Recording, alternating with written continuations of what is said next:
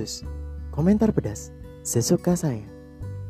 Oke Selamat tahun baru teman-teman. Sekarang sudah tahun 2022 Em, Kita sudah melewati 2021 Ya Dengan sukacita tentunya.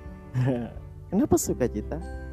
Ya mungkin ada banyak halangan Ya rintangan juga yang kita hadapi di tahun 2022 tapi nggak apa-apa semua itu sudah berlalu sekarang kita menatap ke era baru nah sekarang ini saya eh, seperti biasa ini edisi talk talk talk talk show ya. jadi di sebelah saya ini udah ada teman saya ada diperkenalkan diri? iya boleh Boleh. Oke, baik.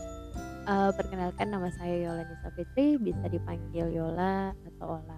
Yola atau Yol Yola atau Ola? Ola Antara dua itu.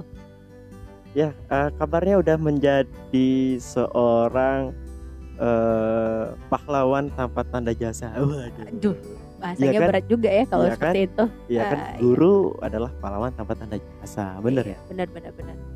Eh, ya memang benar karena kita ngambil kuliah di jurusan Fakultas Ilmu Keguruan FKIP ya.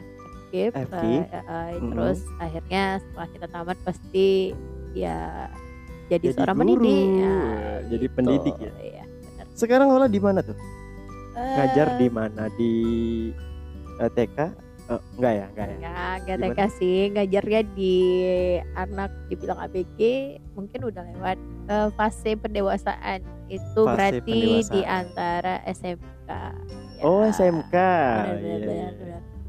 Eh, SMK mana? Eh, SMK swasta di salah satu kota Pekanbaru yaitu di SMK Hasanah Pekanbaru. Oke, oke. Saya lupa pakai topi. Saya baru SMK buka kacamata. sana ya, swasta berarti ya. Iya benar sekali kita di SMK swasta. Eh, oke, kayaknya seru nih. Eh, Boleh. Kemarin juga udah wawancara sama salah satu guru ya mungkin juga guru favorit Ola di SMA 12 Ah, iya pasti. Oh ya waktu itu ya. Iya. Guru matematika yang nama Fauza. nah sekarang itu juga lagi bersama guru karena Iya. memang kebetulan podcast itu juga tentang literasi Oh literasi. jadi kayak eh, kita ini butuh nih eh, literasi Iya literasi itu bukan hanya sekedar membaca kan ya benar benar. literasi itu banyak hal Banyak juga hal menyampaikan dan kita berbicara itu menyampaikan, juga merupakan literasi tapi sebelum kita banyak kulik-kulik ya kita iklan dulu deh. Baik, boleh, boleh ya? Boleh dong. kita iklan dulu karena ada yang mau ngasih jajan. Oke see you. Kita balik lagi.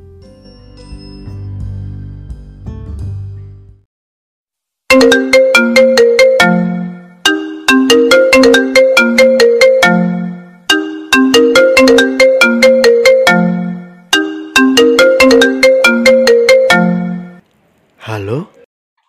sayang.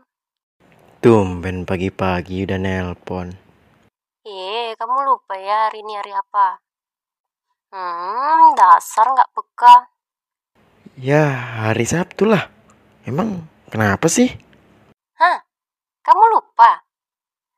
Memang lah ya, semua cowok itu sama aja. Gak peduli, gak pernah ingat. Padahal ini momen yang spesial. Masa kamu gak ingat? Iya, iya tahu hari ini hari anniversary kita kan. Nah, tuh ingat. Jadi kan jalan. Pokoknya jadi ya. Aku tunggu di rumah jam 8 malam. Awas kalau telat.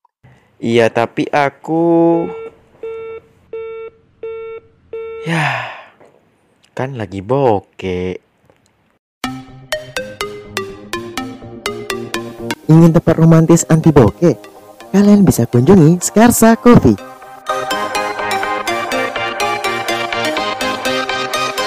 Skarsa Coffee menyediakan harga makanan yang bersahabat dan juga diiringi oleh band-band ternama dari Pekanbaru yang akan mengiringi kalian tiap malamnya. Kalian bisa kunjungi Skarsa Coffee, Jalan Perhubungan nomor 26 Perumahan Maratu, Simpang 3, Bandara. Dan juga kalian bisa cek Instagramnya di sekarsa.coffee.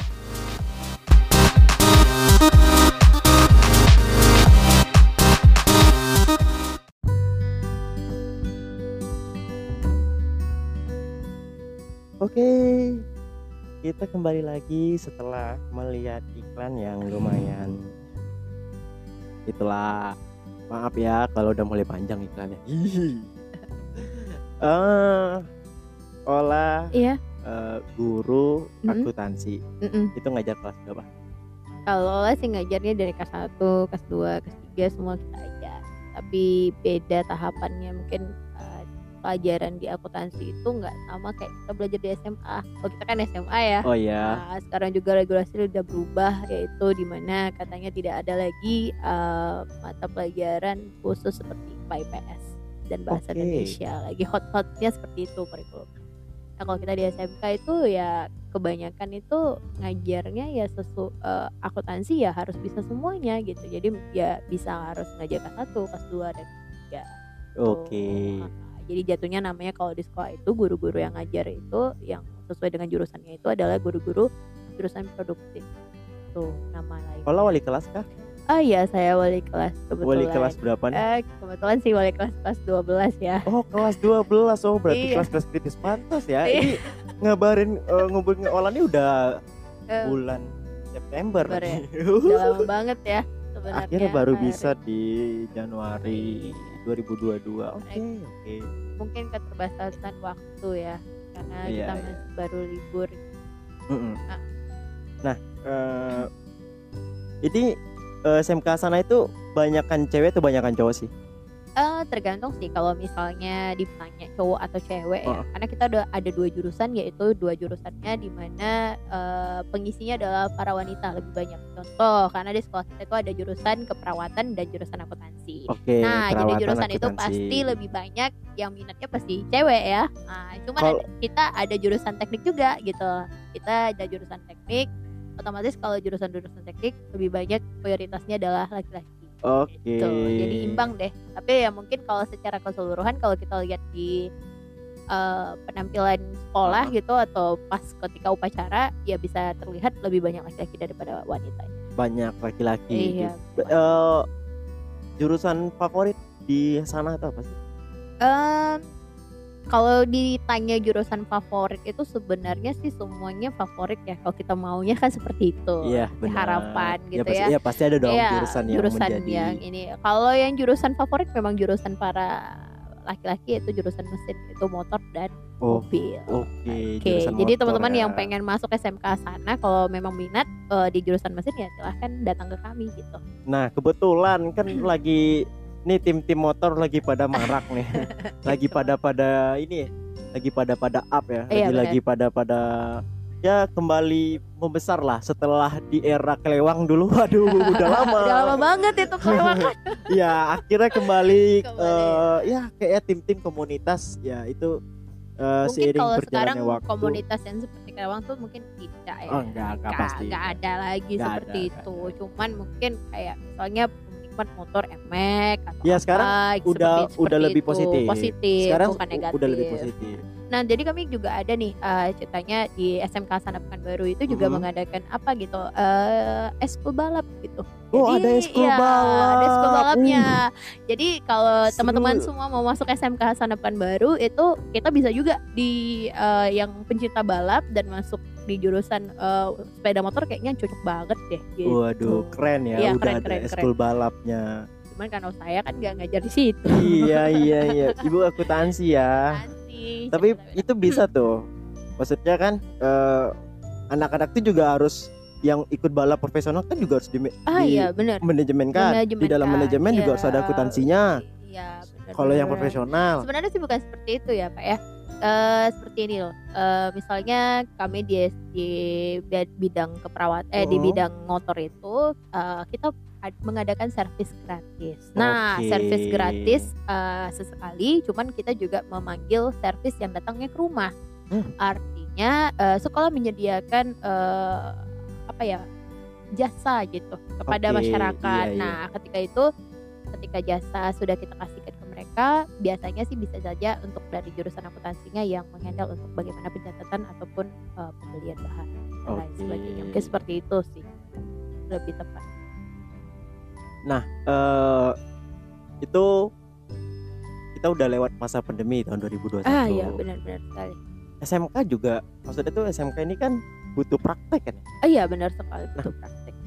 Sementara pelajaran kita modenya daring Oh iya benar. itu gimana sih Eh kalau kami sih waktu zamannya masih corona ya. Kalau sekarang kan memang sudah banyak yang tatap muka. Iya, iya, iya. Walaupun Kita- tatap mukanya tatap muka terbatas kan Ah, begitu. ah, benar-benar Nah, iya ya. sebenarnya ya semi semi deh semi deh semi tapi Di- belum belum real lah iya gitu bukan ya bukan bukan kan iya nggak apa-apa aduh ini Nah. pendidikan ya iya tapi memang eh, podcastku tuh ya komentar pedas sesuka saya suka-suka aja ya oke. Eh, kalau dari praktiknya sih kalau kami itu sendiri ya mengajarkan mereka untuk datang ke sekolah tapi dengan cara ber artinya tidak rame-rame dan sesuai dengan protokol kesehatan. Oke. itulah solusi yang diterapkan di SMK sendiri.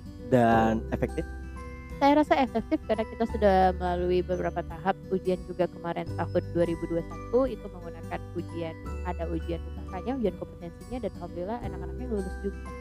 nah itu lulus dengan nilai yang so-so memuaskan atau Um, mungkin rata-rata sih di atas 80 ke atas. Oke, mereka berarti sangat memuaskan Iya, sebenarnya. sangat memuaskan. Jadi nggak ada penghalang antara pandemi dan proses pembelajaran kalau kita mengaturnya dengan secara efisien dan efektif. Seperti Nah, itu.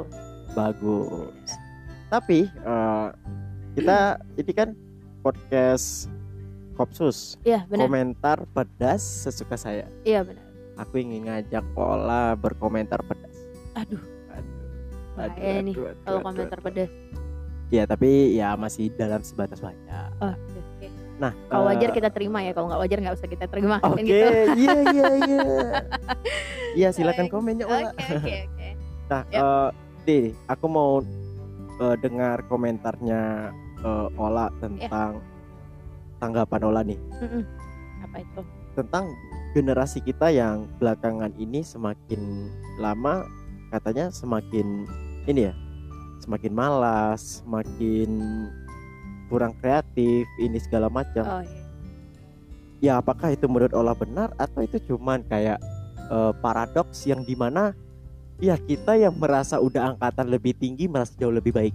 Eh, kalau menurut saya sih sebenarnya bukan tidak kreatif karena gini sekarang itu anak-anak kan kalau kita dulu kan mau belajar itu mesti harus ke perpustakaan ya nggak sih Oke, Ah, oke. iya, iya. Nah, kalau sekarang itu udah banyak kal- sekali media-media yang menyediakan jasa buku online dan Hmm, lain hmm. sebagainya.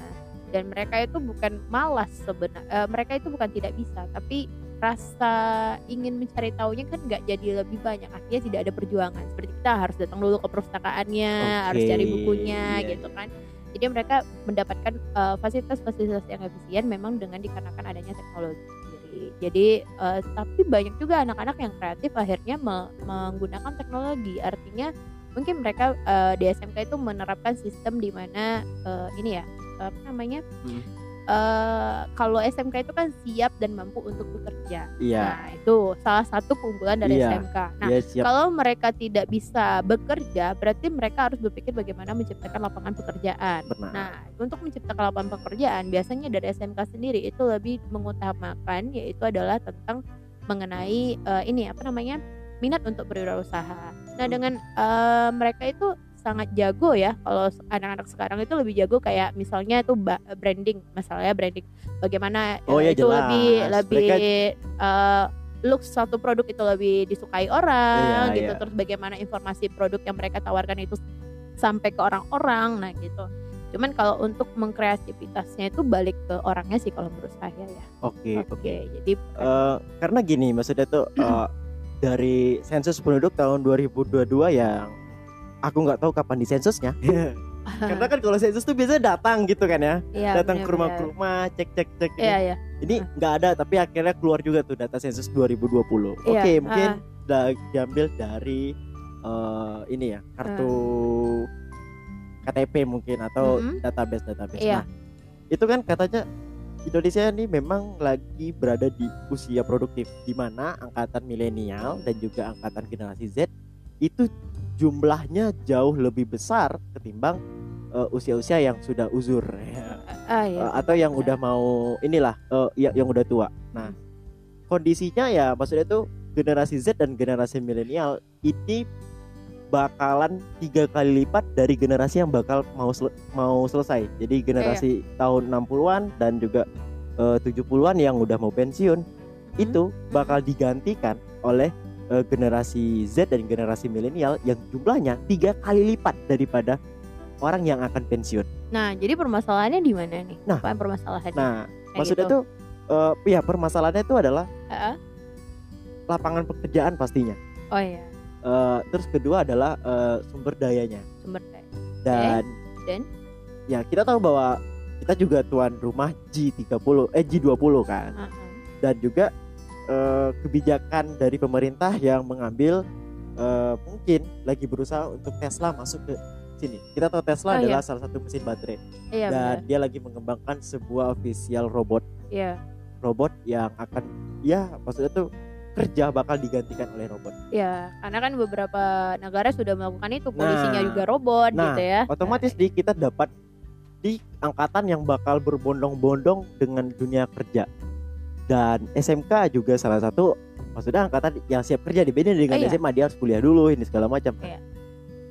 Kira-kira anak SMA sekarang tuh berkualitas gak sih? Maksudnya itu bisa untuk menggantikan nih generasi tua kita eh, atau juga hmm, ini ya maksudnya itu juga ya lawan kita bukan hanya sekedar manusia kan tapi juga bakal ada robot nantinya gitu Iya. kalau menurut Ola tuh potensi tamatan SMK itu sekarang Kalau menurut sih? saya sih tamatan SMK tuh sangat potensi ya dalam bidang itu dikarenakan itu pertama kan mereka dalam fungsi pembelajaran memang lebih menerapkan bagaimana mereka bekerja. Hmm. Artinya mereka lebih banyak praktek ketimbang teorinya dan mereka juga di- dihadapi dengan adanya magang. Nah, itu kan tidak dimiliki oleh SMA gitu iya ya. benar Nah, benar SM eh, kuliah pun tidak semuanya ada magangnya kan seperti itu. Iya. Lebih banyak ke teorinya. Nah, itu yang pertama kalau menurut saya memang mereka lebih potensi.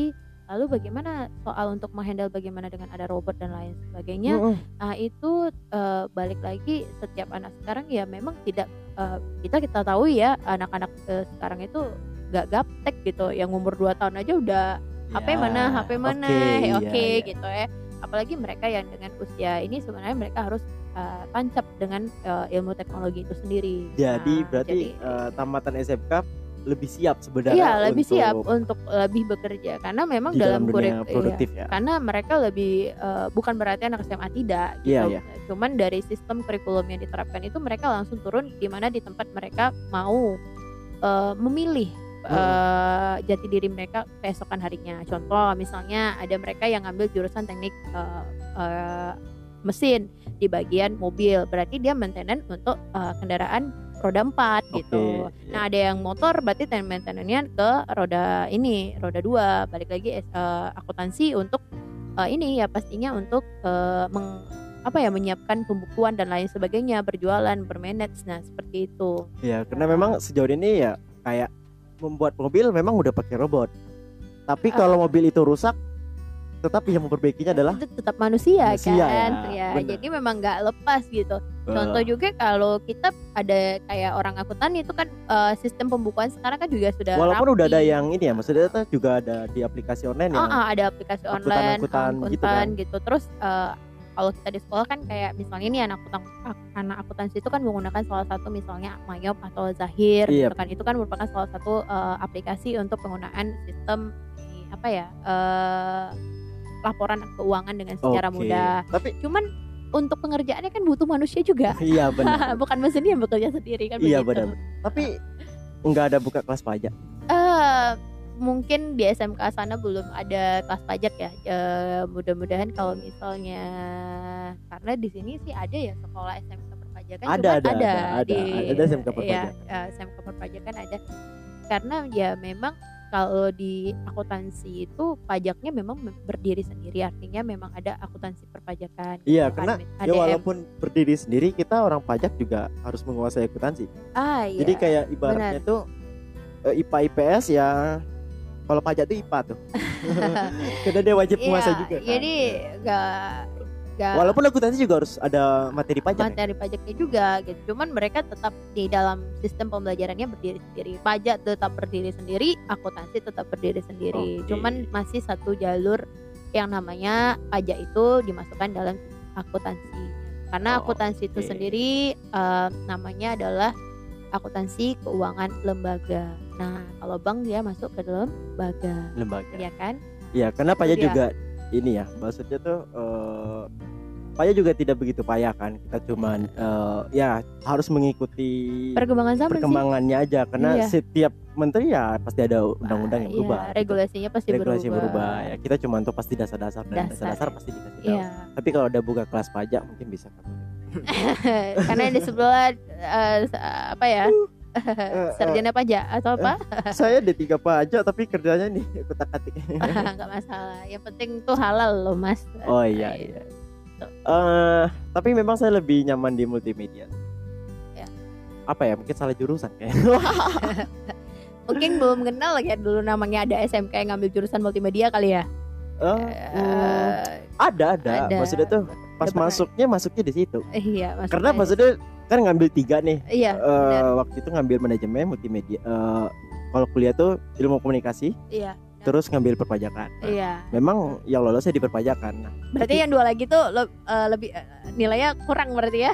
iya maksudnya ini lebih kayak nasib-nasib loh bu kita kan kuliah tuh eh, ini, ini kayaknya ini struktur pendidikan harus dirubah gitu kan Iya, iya, nasib-nasib benar, tapi benar, maksudnya benar. aku ngambil tiga ini bukan berarti aku nggak mampu gitu Iya, benar. Karena benar. Eh, di perpajakan sendiri kan anaknya Bu Jus kan anak kesayangan Bu Jus kan Iya, iya, iya benar. almarhum Bu Jus Iya. Bu Jas lah kok Bu, Bujas. Jus. iya ah juga kan ya Iya. maksudnya tuh secara basic ya aku akuntansi oke habis itu juga akhirnya ngambil cuman tak kenapa di dalam kehidupan profesional itu nyamannya di bidang mungkin ilmu komunikasi atau multimedia tadi Iya. Karena Nah. balik hobi balik lagi gitu kayaknya Iya, karena, seperti itu. Eh, pekerjaan yang kita apa ya maksudnya kita hobikan itu Belum ya nyaman. k- kalau aku nyaman Oh, maksud ya? tuh kita leb- aku lebih nyaman kerjaan yang dihobikan Eh, iya. Eh, ya itu hobi itu senang dan aku yakin nih jika kita bekerja dengan kesenangan hasilnya akan lebih memuaskan. lebih memuaskan Iya, betul sekali. Karena saya juga ngerasa seperti itu gitu. Karena satu sisi memang saya sebagai pengajar, cuman saya hobinya berjualan, mau jualan apa aja online dan lain sebagainya. Yang penting jualan. tapi ya, juga suka ya gitu. masih dalam satu hubungan sih kayaknya ya masih Iya. masih ada tali-talinya Iya, gitu. karena kan ambilnya aku- akuntan, akuntansi sementara masih prakteknya tetap juga masih Iya. kejualan ya begitulah. Oh, oke Oke. Tapi aku boleh sedikit eh, nanya tentang eh, agak jauh konteks sedikit Oh iya boleh. Eh, agak-agak apa ya konspirasi sih kata orang. Apa yang dikonspirasikan? aduh aduh. pingin aku nanya nih tapi eh, boleh lah ya aku mau Kalau bisa masih bisa Eh, dijawab dijawab. gini aku mau tahu pendapat Ola nih Hmm, tentang Apa tuh? eh, apa pendapat Ola jika dunia ini menggunakan satu mata uang mata uang. Oh ya salah kayaknya ya. Eh, mungkin akan beda-beda ya karena kan kita tahu kalau mata uang itu setiap negara punya mata uangnya kan gitu. Iya. Ya, ya. kalau misalnya pun harus satu sebenarnya nggak ada masalah juga. Kalau misalnya Oh, buat bermasalah satu. dong. Eh, kalau setuju semuanya. Kan ini tidak setuju. Kalau satu akan Takut- jadi takutnya seperti terjadi di Yunani Ah, cuman eh, pada kenyataan dan prakteknya itu tidak bisa terjadi gitu. Iya, benar. Gitu. Jadi makanya harus ada membedakan. Artinya dengan mata uang itu membedakan mana sih negara maju, mana sih negara berkembang, Oke. mana sih yang belum eh, merdeka. Orang yang merdeka kan nggak ada mata uangnya. oh iya iya aku aku tambah lagi nih oh iya boleh. aku boleh. tambah lagi Aduh nih. diserang balik gua nih. Iya karena dia kan ini kan ya walaupun ini kan, eh, ya dia walaupun tidak begitu berhubungan dengan akuntansi Iya tapi ini benar benar. benar. pasti ada sangkut pautnya. Ah. Eh, pengurangan 3 nol di di angka rupiah itu menurut olah akan berdampak seperti apa? Eh, nggak mudah ya buat regulasi seperti itu tuh nggak mudah ada efek samping Tapi setuju atau enggak ya nanti kalau eh, saya nanti juga eh, butuh jawabannya jawabannya. ya kalau saya sih nggak setuju lah itu eh, kita tetap ikutin peraturan lama saja. Kan enak gitu kita belanja ya berapa Eh, dua rupiah? Nah, kan murah gitu. Berapa nih?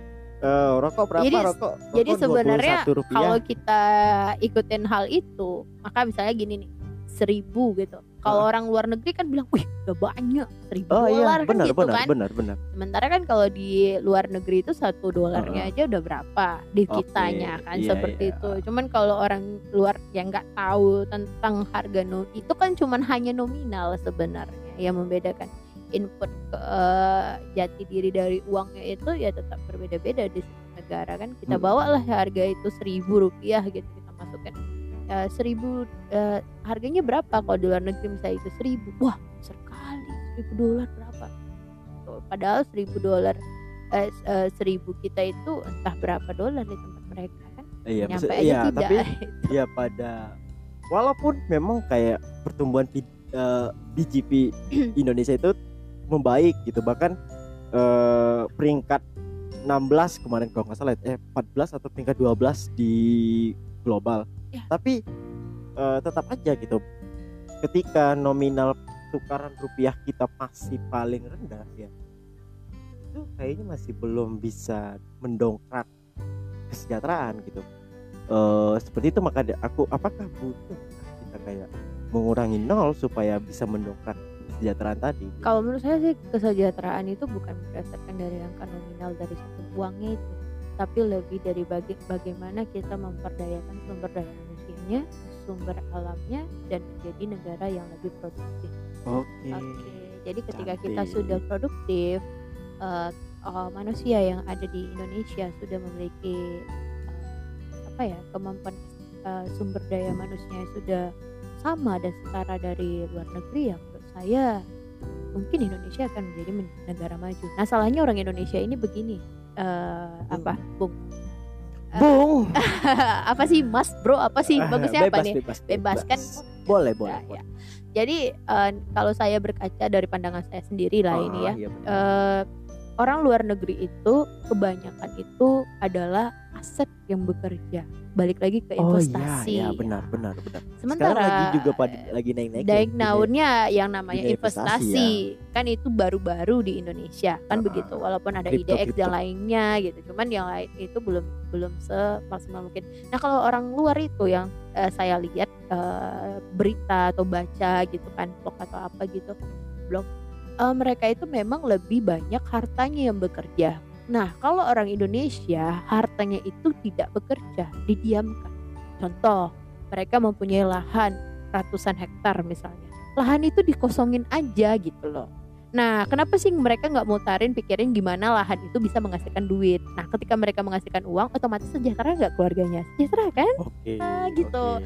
Jadi Iya, memang benar, balik benar. lagi bukan angka nominalnya atau lainnya, tapi lebih ke fase bagaimana sumber daya manusianya lebih produktif, sumber alamnya pun kita harus produktif. oke benar itu ya benar. menurut pendapat saya. Wah, itu eh, ilmu yang cukup tinggi. Mungkin juga mau ada yang mau belajar saham bisa langsung Oh, iya. olah. oh, bisa bisa bisa. bisa bisa ya. Yang mau apa? Ya, belajar akuntansi juga bisa. Oke juga bisa. Ya Harga ada cinca-cinca deh. eh, cinca-cinca ya. Atau ada akun di YouTube-nya atau gimana? Em, belum ada sih mudah-mudahan ada ya besok kita Oke, buat Kita bantuin buat ya. loh Boleh, boleh. boleh. Kita di Yolele Project Iya. dan eh Basecamp tim bakal ngebantu. oke oke Ya benar ya tim ya, tim ya. Eh, iya iya. Nah, eh, nanti ya, Ya. kita bakal coba tes deh. Oke, karena kita juga nih TV juga udah bisa kan. Maksudnya Iya. kotak atik di HP aja nih udah keluar di TV. Mana tahu ada yang mau. Oke, eh, ini pembahasan tahun 2022 Iya. eh, dan juga pendidikan. Tadi pendidikan kayaknya udah udah banyak udah panjang banyak lebar banget. ya yang jelas kalau eh, ada yang dengar ini lagi berminat mencari SMK terbaik di kota Pekanbaru bisa datang di SMK Hasanah Pekanbaru Oke. memiliki tujuh eh, jurusan yang ada Insya Allah lengkap dan sesuai dengan kurikulum dan mampu mencerdaskan siswa siswi lebih unggul daripada Gak usah di- dijawabin ya pede Oke. banget nanti oke begitu Iya, tapi kan eh, tetap maksudnya tuh eh, ya kualitas kualitasnya Iya. dan alumni alumni juga udah pada Udah, lumayan. jadi orang gede kan. Oh ya lumayan kita sekolah kita udah sekitar 20 tahun Wah, udah ada jadi DPR. udah, udah yang lulus ada. PNS polisi lain sebagainya Oh, udah iya. ada oke Oke oke. Eh, kita lanjut nih tahun Boleh, boleh, boleh. 2022. gue mau nikah kalau 2022 Oh, maunya enggak enggak bercanda ah, target, Oh, target, tar- target. enggak enggak target doa aja Ah, target 2022 atau 2023? siapa Amdan Enggak, olahnya Ah, kalau aku mah pengen cepet doang pengen cepat doang. Iya. mudah-mudahan dia cepat ya Oke, oke. Oke. Kita doain amin. Oke. Karena itu adalah saling mendoakan itu. Iya, benar, Semoga benar. setelah itu juga doain balik. Eh, Nah, tapi kita masih banyak rupanya. Aku kira udah lumayan lama tapi kita masih masih ada waktu kita. oke Tahun apa-apa. 2022. Ya. Eh, mungkin harapan di bidang pendidikan deh. Maksudnya itu pasti masih banyak di eh, pendidikan yang butuh dibenahi, bu- butuh diperbaiki. Karena eh, aku masih banyak yang suka komen eh, karena masih ada yang dengar di podcastku yang ke episode 14 kalau nggak salah. apa itu tentang komennya? ngebahas tentang pendidikan. 14 atau 13 lupa Ah. itu itu ngebahas tentang pendidikan dan di situ aku banyak ngejat guru guru Mm-mm. di mana guru yang cuma hanya sekedar ngajar tidak bertanggung jawab nih Eh, dengan kepintaran ya dia cuma gaji, eh, ngajar sebatas gaji dan juga aku juga banyak ngebahas eh, ajaran-ajaran yang disampaikan terkadang guru itu ya mau nggak mau kita harus ngikutin kurikulum kan ya. Iya tapi benar benar. eh sadar gak sih juga ada beberapa kurikulum itu yang ya kadang-kadang kita juga eh kok gini? gitu kan. Tapi ya mau nggak mau kita harus ngikutin. Tapi tentunya itu ada keluh kesah keluh kesah. Nah Eh. benar ada harapan di sebelum pandemi ini Pak Nadiem bakal terapkan banyak kebijakan-kebijakan keren. Bener kan ya iya benar karena Pak tapi kan lebih ke teknologi Iya, banyak kebijakan-kebijakan keren dan mungkin kalau bisa Hasanah tuh buka itu eh, jurusan yang jadi saran jurusan e-sport. Wah, kalau Hasanah buka jurusan e-sport mungkin udah ini pada pada masuk ke sana karena belum ada tuh di Pekanbaru jurusan e-sport. e-sport itu siapa ya saya kurang E-sport itu eh, olahraga eh, gaming sih, lebih Oh, ke gaming gaming. tapi olahraga karena peng- nih, kalau itu ada. Kami ada ekspor juga sih. Ada? E-sport? iya ada. Itu jurusan atau? Ah itu bukan jurusan salah satu eskul ya, maksudnya itu lebih ke jurusan. Karena di Oh, Jawa udah ada. oh di Jawa udah ada. Iya, nah, Ya, Eh, belum. maksudnya eh, gaji e-sport itu lebih tinggi pada gaji pemain bola. ah itu kalau saya wow sendiri ya. Cuma Iya, maksudnya- belum ada gitu. Iya, baru di bidang eskulnya sih Ah, ada ah, ekspor mungkin ya mungkin ada saran-saran lah. Ah, kasih apa beritakan. Nah e-sport ya maksudnya tuh eh, sedikit gambaran kalau sekarang ini dunia kerja itu bukan sekedar menjadi dasi orang kantoran ya gini-gini itu pergi ini gitu. enggak maksudnya semua eh, bahkan pekerjaan-pekerjaan yang dulunya kita nggak menganggap itu bisa menghasilkan uang ya itu udah menjadi pekerjaan profesional kayak e-sport udah ada yang ya mereka udah nyebutnya eh, gamers profesional gamers gitu kalau kan ya Eh, kalau dan juga kompetisinya ya tetap ada rutin. Ah, iya. dan udah masuk olimpiade eh, pon juga udah ada. Berarti kan itu udah cikal bakal ya mungkin ya bukan hanya e-sport ya itu mungkin akan ada hal-hal lain yang bakal menjadi hal profesional yang kita tidak tahu itu. Karena itu eh, ya itu dia mungkin kita juga harus bisa buka pikiran bahwa pekerjaan itu banyak bukan hanya sekedar jadi karyawan aku tadi nanya di mana ya? Pertanyaannya udah melenceng-melenceng jadi aku Iya, aku agak lebih bener, susah nih mau bener. jawabnya gimana. Enggak enggak tadi lebih penjabaran tidak Oh, pertanyaan. oke. Nah, Eh, tahun 2022 kita kembali. Mm-mm, harapannya tetap tidak mm-mm. atau udah unek apa gitu yang supaya ini bisa dirubah tetap. Mungkin ya penyampaiannya ke Pak Menteri Eh, dunia pendidikan ya pastinya harus lebih berkembang ya karena apalagi dengan kemarin kita revolusi 4.0 ya kan. Sekarang seharusnya harus lebih gemblang terhadap teknologi cuman kebanyakan jangan disalahgunakan teknologi ini gitu. Karena nantinya kan bakalan balik eh, semua eh, cara itu dengan teknologi lebih efisien dan efektif.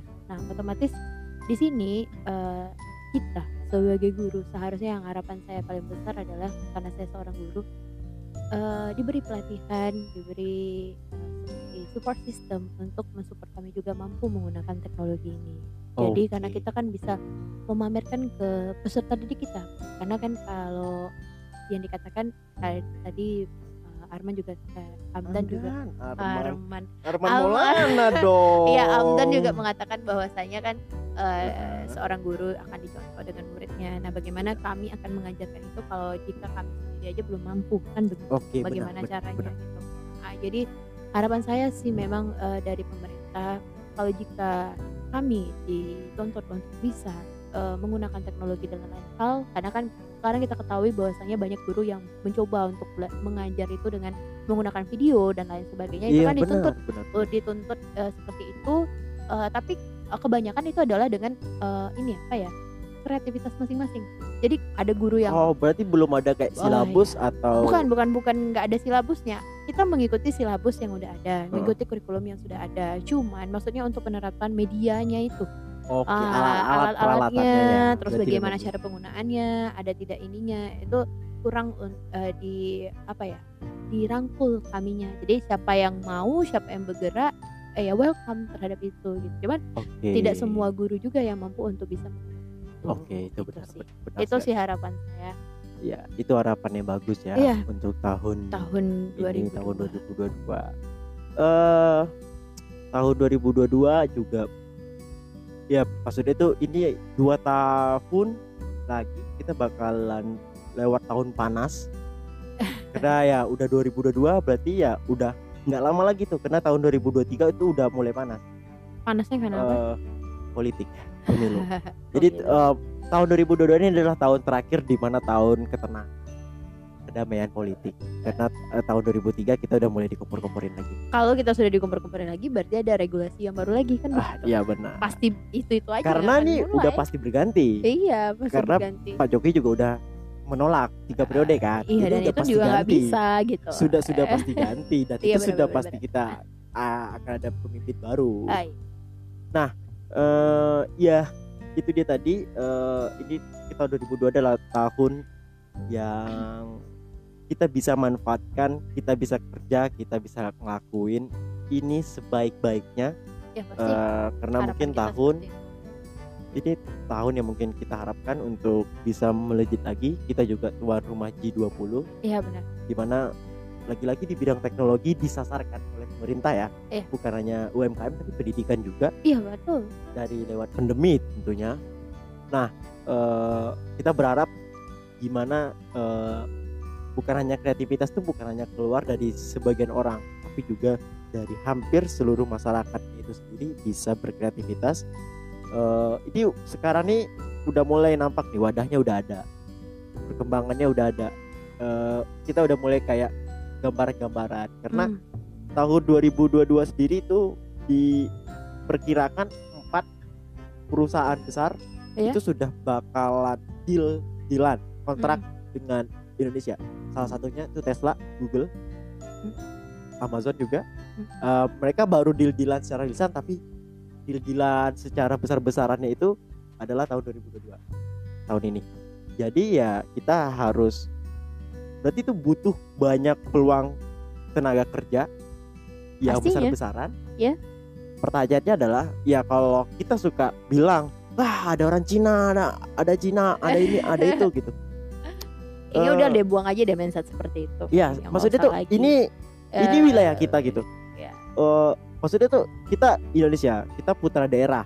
Bisa dibilang bukan Nah, masalah putra lagi daerahnya itu, tapi salahnya ini eh, apa Amdan manusianya lagi Iya, harus maksudnya tuh kita yang Itu. tahu nih tempat kita, iya kita yang tahu karakter kita, iya ada yang datang.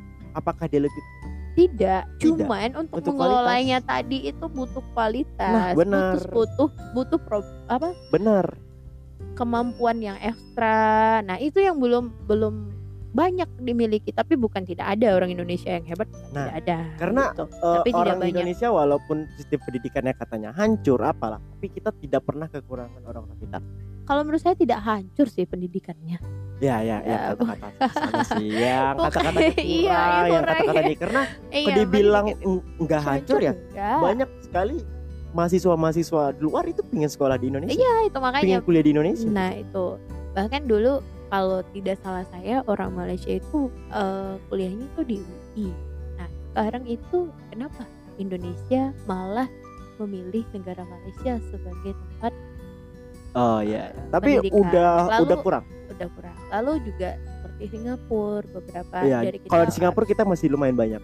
ah kita ke Singapura untuk kuliah sementara berapa universitas yang ada di Indonesia dan merupakan universitas terbaik di Indonesia dan masuk juga di universitas terbaik di dunia. Kenapa sih harus milih lain kalau ada di negara Oke. sendiri? Itu seperti kayak moto apa ya? Jangan beli produk apa? Cintailah produk. Cintai produk lah, lah. produk. Eh, Cintailah Ah, produk. produk-produk dalam negeri. Iya, Ya, cintai produk dia. dalam negeri. Tapi kalau dalam survei itu udah alhamdulillah bagus. Jadi kayak eh, ini bisa dilihat dari eh, education eh, apa gitu. Pokoknya dia masih dalam lembaga PBB. Eh, su- data ini mengatakan kalau eh, mahasiswa Indonesia yang berkuliah di Malaysia dari tahun ke tahunnya itu selalu berkurang.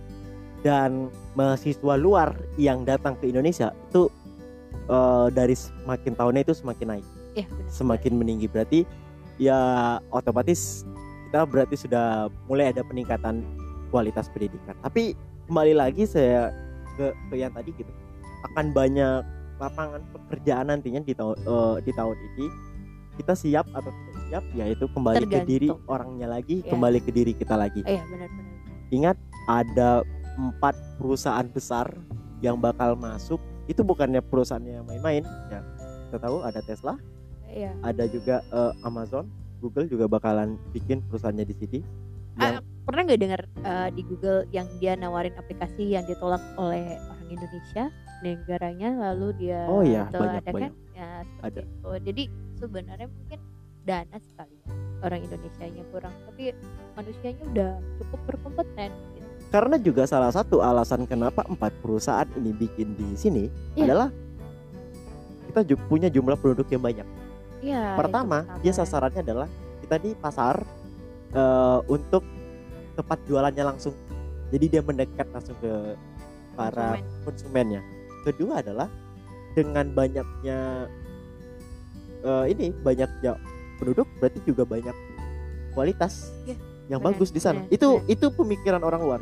Iya. Nah, makanya itu mereka juga ingin bikin di sini. Mereka semua kabur dari Malaysia dan pindah ke Indonesia.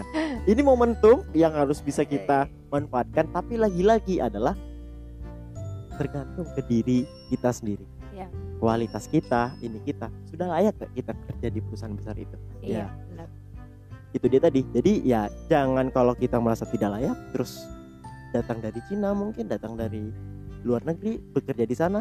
karena kan sistemnya sekarang udah ekonomi global Iya, siapa aja benar. bisa masuk siapa saja boleh masuk siapa saja boleh beraksi unjuk gigi Iya. dan lain sebagainya dan banyak juga eh, dari negara-negara luar sana itu terkadang memberikan eh, apa ya seperti kesempatan Iya. bagi guru-guru yang mampu menguasai bahasa Inggris lalu mau eh, mengajar di luar negeri welcome luar negerinya berarti itu tergantung balik kan Iya, tergantung balik. Jadi, itu Dia datang untuk membuka mungkin banyak pekerjaan iya ya mau dia terima orang Indonesia atau dia terima orang luar ya lagi-lagi kualitas kualitas Iya benar kualitas. bener kan Iya kualitas. nah nggak ada segmen ketiga aduh Kayaknya udah. udah karena ini udah udah, udah di ya. ujung ya iya. sudah terlalu lama jadi nggak apa-apa jadi Mm-mm. aku tumpuk aja iklannya di awal Tumpuk iklannya dia. nah olah nih Oh iya Ah, apa tuh? biasa terakhir Iya boleh aku mau olah nih closing Oke. statement closing statement. Aduh tiba-tiba jadi bumbu acara dok. Iya maksudnya tuh eh, saya sudah 20 episode Iya benar-benar. dari episode 18 tuh rata-rata saya semua tuh closing oh statementnya closingnya statementnya ini udah habis udah habis. nabung dulu ntar Ah, nabung dulu. Oke, ini gimana nih cara nutupnya? Aduh, iya nggak nggak maksudnya tuh mungkin eh, quotes dulu deh quotes terakhir quote terakhir. quotes eh, pesan-pesan kata mungkin mana tahu bisa seperti kata-kata eh, Najwa kak Najwa karena aku Najwa kan? Ah aku chat Najwa siap DM Oh. setiap kali ep- episode itu keluar aku selalu DM Najwa siap Selalu Apa yang nonton. terjadi? walaupun dia belum ada read read tapi tetap tetap berusaha ya. tetap harus berusaha Oke, eh keywordnya adalah mampulah berusaha mungkin, lakukan yang terbaik buat diri kita karena kita tidak tahu eh, apa yang akan terjadi esok harinya. Jangan ketika mau esok harinya baru berlaku untuk baik. Gitu. Oh. Jadi kita harus siapkan dulu perulunya sebelum kita turun. Kalau saya sih seperti itu. Lakukan apa pun hal itu sebaik mungkin karena tidak kita tidak tahu kesempatan mana yang akan datang untuk kita. Uh, Gitu. keren sekali. Tapi ini sudah di ujung. Nah, jadi mungkin kru boleh kembali lagi ke posisinya. Eh, Ini sudah di ujung, teman-teman. Dan sudah ditutup dengan words kata-kata yang manis dari Ola. Aku nggak bakal nambahin karena Oke. biasanya kalau yang agak kurang aku bakal nambahin. Oke, oke. Tapi Sip, karena sip. itu sudah sangat bagus, jadi aku udah nggak bakal nambahin lagi nih. iya siap Kalau begitu kita jumpa di episode berikutnya. episode berikutnya. Saya Amdan. Saya Yolanda Fitri. See you next time.